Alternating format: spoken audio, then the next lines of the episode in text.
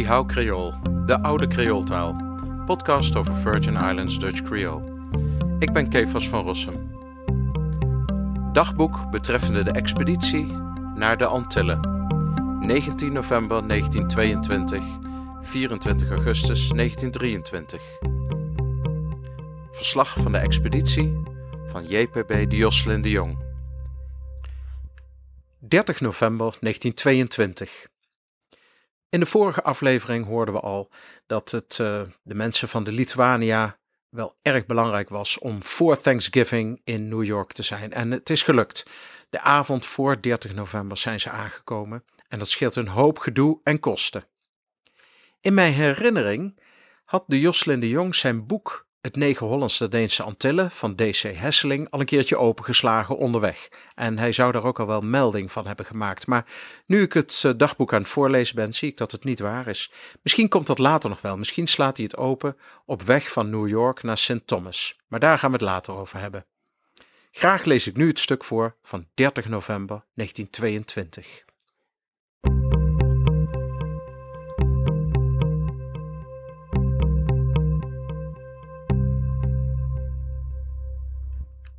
Donderdag 30 november.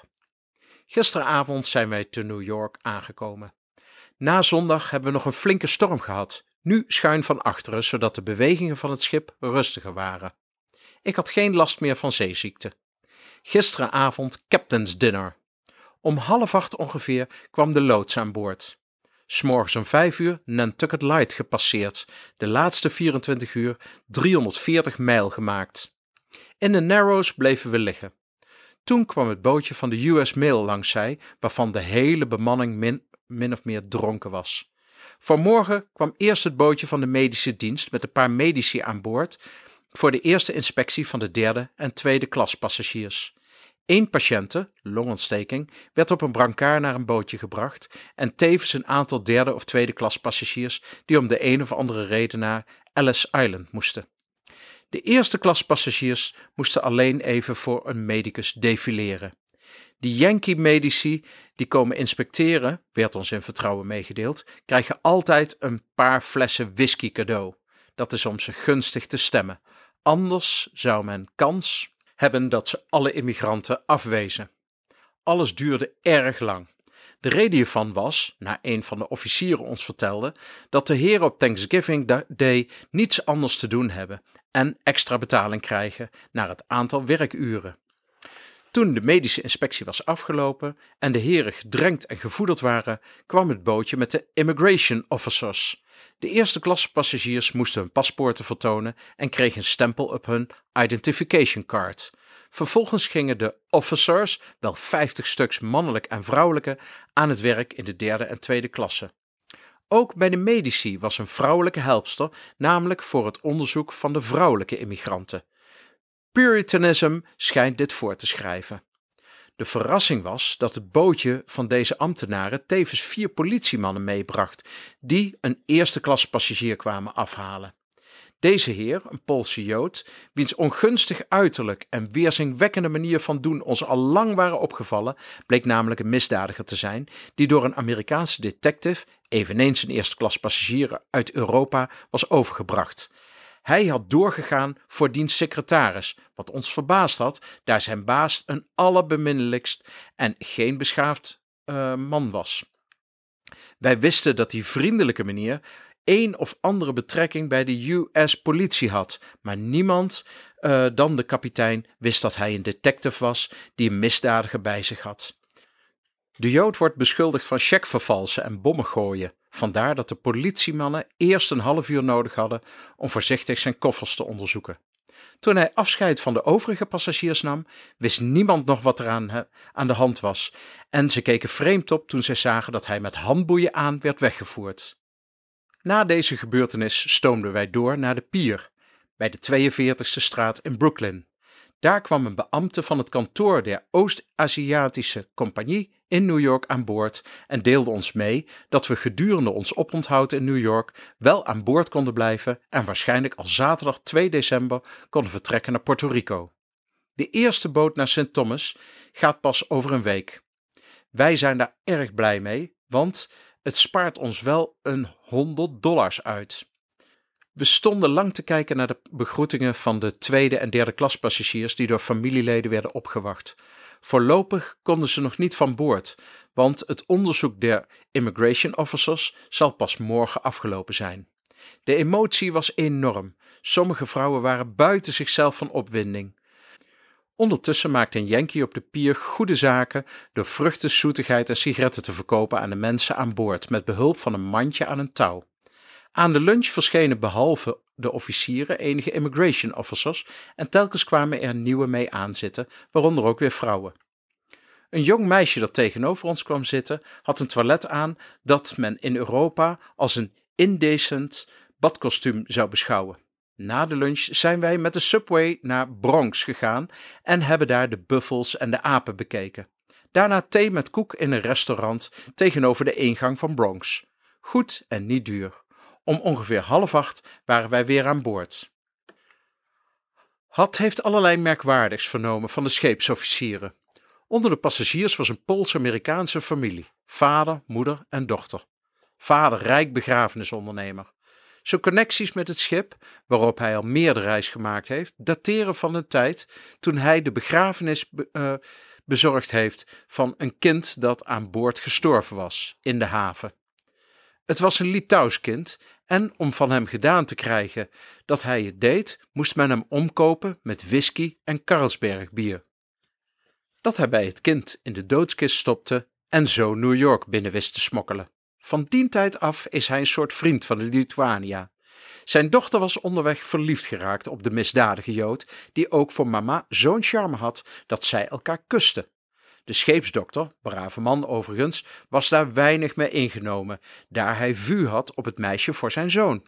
Tijdens het oponthoud in Kopenhagen had hij zijn zoon ter kennismaking aan boord laten komen. De Jood schijnt ook iets te maken te hebben gehad met de Stowaway en een lid van de bemanning eveneens, die de reis dan ook verder in de boeien heeft doorgebracht en ook aan de politie wordt overgeleverd. Joodse passagiers hebben de kapitein een som geld geboden om gedaan te krijgen dat hij bij de immigration officers een goed woord zou doen voor de Stowaway, maar bereikte daar juist het omgekeerde mee. Er is iets van een complot geweest in verband met de misdadige Jood, vermoedelijk, maar het fijne van de zaak zijn wij niet te weten gekomen.